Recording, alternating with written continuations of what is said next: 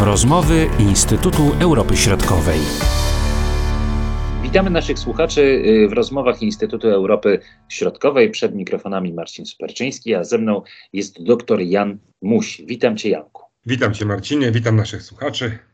Tym razem zapraszamy właśnie naszych słuchaczy do Słowenii. Dawno tam nie zaglądaliśmy, a dochodzi tam do niezwykle interesujących y, sytuacji politycznych, bo niedawno mieliśmy nowe wybory y, właśnie prezydenckie. Można użyć takiego sformułowania, że Słoweńcy y, mają niechęć do partii politycznych i wybierają w ostatnim czasie polityków, którzy nie są związani z partiami politycznymi, są politykami raczej niezależnymi i tak można powiedzieć o nowej pani prezydent Słowenii. Tak, pani prezydent elekt nie jest związana z żadną partią polityczną. Była popierana, czy jest popierana przez e, partię piratów, niektóre ruchy ekologiczne, ale nie jest związana z żadną partią. Jest osobą e, niezależną, jest prawniczką, wywodzącą się z takiej dobrze osadzonej e, rodziny w Słowenii. I rzeczywiście po raz kolejny wybory pokazały, że Słoweńcy są rozczarowani tą taką polityką partyjną może nie partyjniactwem, ale to tym, tym zachowaniem się partii politycznych.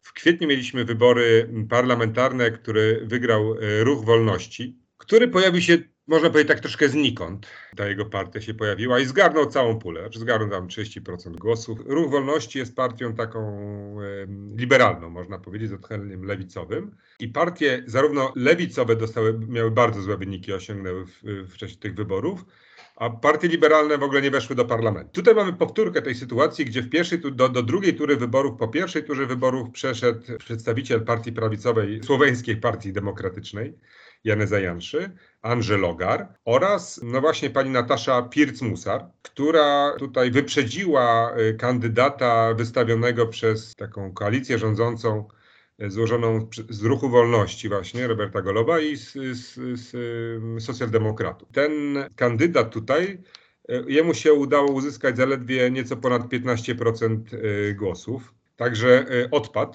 po pierwszej turze i do drugiej tury przeszła pani Natasza Pirc-Musar i Andrzej Logar, przedstawiciel Serbskiej Partii Demokratycznej. I wybory wygrała pani Pirc-Musar, która, no, jak, jak, jak, jak wspomniałeś, nie jest związana z żadną partią, co pokazuje takie zniechęcenie troszkę do, nawet do tego ruchu wolności Goloba.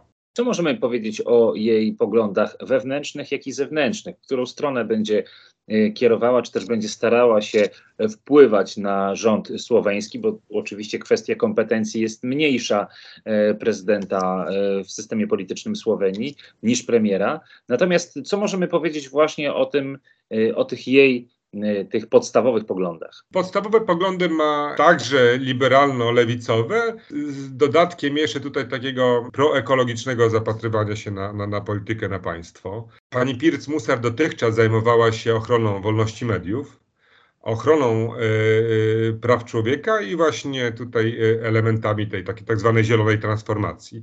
Także możemy oczekiwać jej aktywności w tych trzech obszarach, jeśli chodzi o politykę wewnętrzną.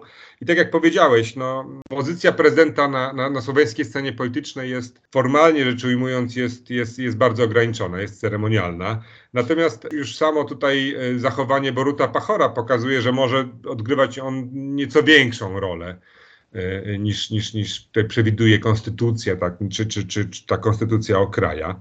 E, I, I może w jakiś sposób budować ten wizerunek e, Słowenii na arenie międzynarodowej, może próbować działać jako mediator, jako taki rekoncyliator, mm, tak w kwestii na przykład tych takich bywa, że napiętych relacji z Chorwacją, chodzi o, o Zatokę Pirańską, o wytyczenie granicy, oraz w układzie lokalnym w dialogu między, między poszczególnymi tutaj stronnictwami. Borut Pachor na przykład, były prezydent, jeszcze obecnie funkcjonujący do 22 grudnia, jest prezydentem, który wywodzi się z partii socjaldemokratycznej, lewicowej, natomiast no, prowadził dialog taki z, z Janezem Janszą, który, którego poglądy są zdecydowanie prawicowe. Czyli tutaj można powiedzieć, że y, jeśli chodzi o tą politykę międzynarodową na przykład, to na pewno bliżej będzie, tak mówię w dużym, y, w dużym uogólnieniu, do Brukseli niż do Budapesztu. Będzie zdecydowanie dużo bardziej do, do, do Brukseli i można powiedzieć, że tutaj nastąpi taka synergia polityki prowadzonej przez, przez Goloba i jego rząd, która jest zorientowana, można powiedzieć, na właśnie zieloną transformację,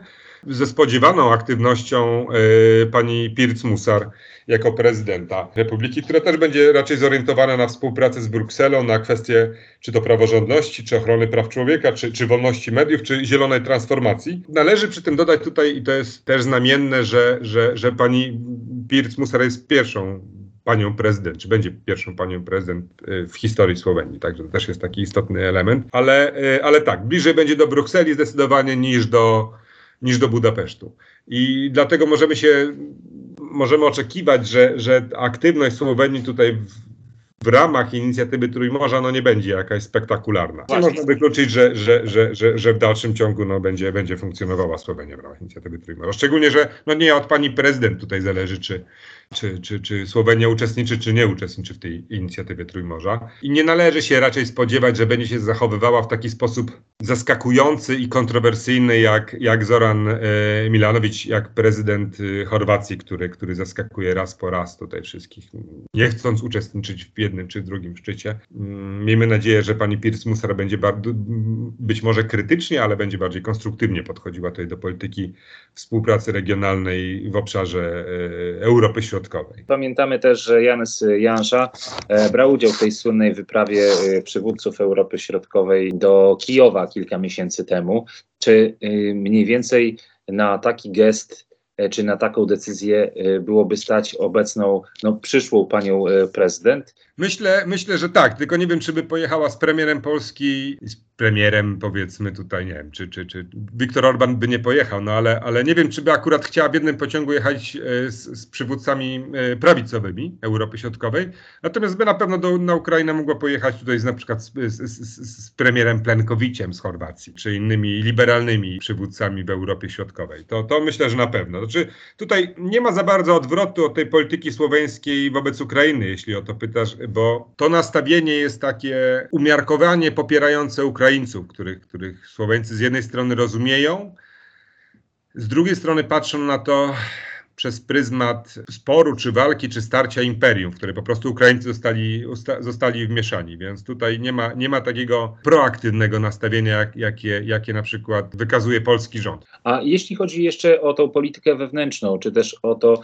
y, że y, Słoweńcy no, nie głosują na te, można powiedzieć, tradycyjne partie polityczne, z czego to wynika? Z czego to wynika? To wynika z rozczarowania i teraz to rozczarowanie może mieć y, tutaj no, kilka, kilka przyczyn. Y, Jedną z tych przyczyn jest na przykład fakt, że spora część słoweńskiego społeczeństwa ma poglądy takie no, mo, mocno lewicowe, które krytycznie przyglądają się politykom partyjnym. Partie są traktowane z podejrzliwością. Z drugiej strony, oczywiście, tutaj no, Pierce Musar też zebrała całą pulę głosów em, przeciwnych Janezowi Janszy, który na tej scenie politycznej, mówiąc tak eufemistycznie, narobił sobie sporo wrogów i ma duży negatywny elektorat, który mu bardzo ciężko jest przeskoczyć. Chociaż Andrzej Logar, to jest inny tutaj ważny wątek tych, tych wyborów, Andrzej Logar pokazał, że umiarkowana kampania wyborcza, umiarkowana pod względem oskarżeń wysuwanych pod względem przeciwników politycznych, no przynosi efekty. I on tutaj ponad 400 tysięcy głosów zebrał, czyli, czyli dużo więcej, o sto kilkanaście tysięcy więcej niż e, Janez Jansza w wyborach e, parlamentarnych, że Andrzej Logar, e, że, że, że prawica bez Janeza Janszy ma się całkiem, całkiem dobrze. I teraz pytanie oczywiście, co zrobi, Jane, co zrobi Andrzej Logar, czy, czy będzie kontynuował współpracę z Janezem Janszą, który jest y, politykiem ambitnym. To nie jest osoba, która chciałaby, biorąc pod uwagę fakt sporego, negatywnego elektoratu, kierować z tylniego siedzenia, co jest takim bardzo mądrym posunięciem politycznym, gdzie się przekłada dobro e, formacji politycznej nad y, własne ambicje tutaj, prawda, jakieś instytucjonalne. I pytanie, co, co, jak się zachowa Janez Jansza, jak się zachowa Andrzej Logar po tych, po tych wyborach? Czy Andrzej Logar będzie chciał budować jakieś wspólne mm, tutaj mm, instytucje polityczne razem, czy, czy na, na bazie SDS-u, tej Słoweńskiej Partii Demokratycznej, czy będzie chciał trwać przy SDS z Janezem Janszą, czy być może będzie chciał w jakiś sposób politycznie pozbyć się Jana Zajanszy, odsunąć go na inne, na inne, na inne stanowisko, na, na mniej takie wyeksponowane stanowisko, czy być może będzie chciał założyć własną opcję polityczną, bo to też na pewno przechodzi mu przez głowę obecnie. Co zrobi Angelogar? Co możemy powiedzieć o pierwszych decyzjach pani prezydent? Czy coś wiadomo na ten temat, czy za wcześnie? Za wcześnie, za wcześnie. Pani prezydent przejmuje władzę dopiero 22 grudnia, także, także podejrzewam jedną z pierwszych yy, yy, tutaj decyzji będą pewnie kwestie związane z życzeniami bożonarodzeniowymi i, nowo, i noworocznymi, tutaj skierowanymi pod adresem obywateli Słowenii. Do tego jeszcze trochę czasu, także Ale na pewno, ale, ale, ale należy się spodziewać, że, że pani prezydent y, y, no będzie, będzie działała ramy w ramię z, z, z rządem y, y, Roberta Goloba. Chociaż tutaj należy podkreślić, że, że będzie ona najprawdopodobniej dużo bardziej ambitną i aktywną polityczką niż, y, niż osoba, która jest w jakiś sposób związana z partią polityczną i ta partia przecież tych y, prezydentów w jakiś sposób ogranicza, ponieważ no, prezydenci się wywodzą są powiązani z, z partiami politycznymi, wywodzą się z tych partii politycznych, w związku z tym tutaj są cały system jest e, zobowiązań politycznych, które przecież doprowadziły tych ludzi przede wszystkim tam, tam gdzie są teraz. Tutaj pani, pani e, Pirc Musar no, ma, ma wolną rękę tak naprawdę. bardzo dziękuję Janku za to y, podsumowanie. Do usłyszenia, do zobaczenia. Dziękuję Marcinie, dziękuję Państwu również. Były to rozmowy Instytutu Europy Środkowej.